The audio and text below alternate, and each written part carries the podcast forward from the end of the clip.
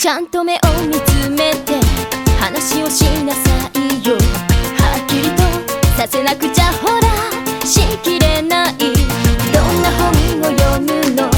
どんな歌好きなの？偶然ね私もちょっと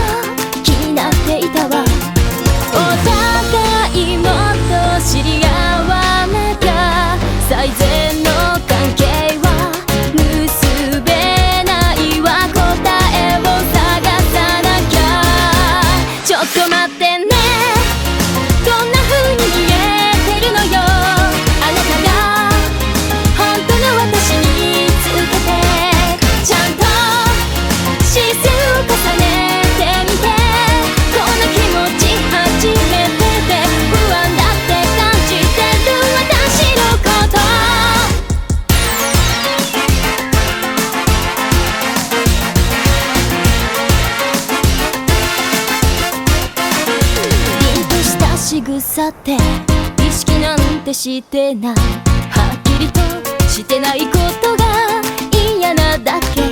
どんな夢があるの？どんな人好きなの？偶然ね私がちょっと当てはまるみたい。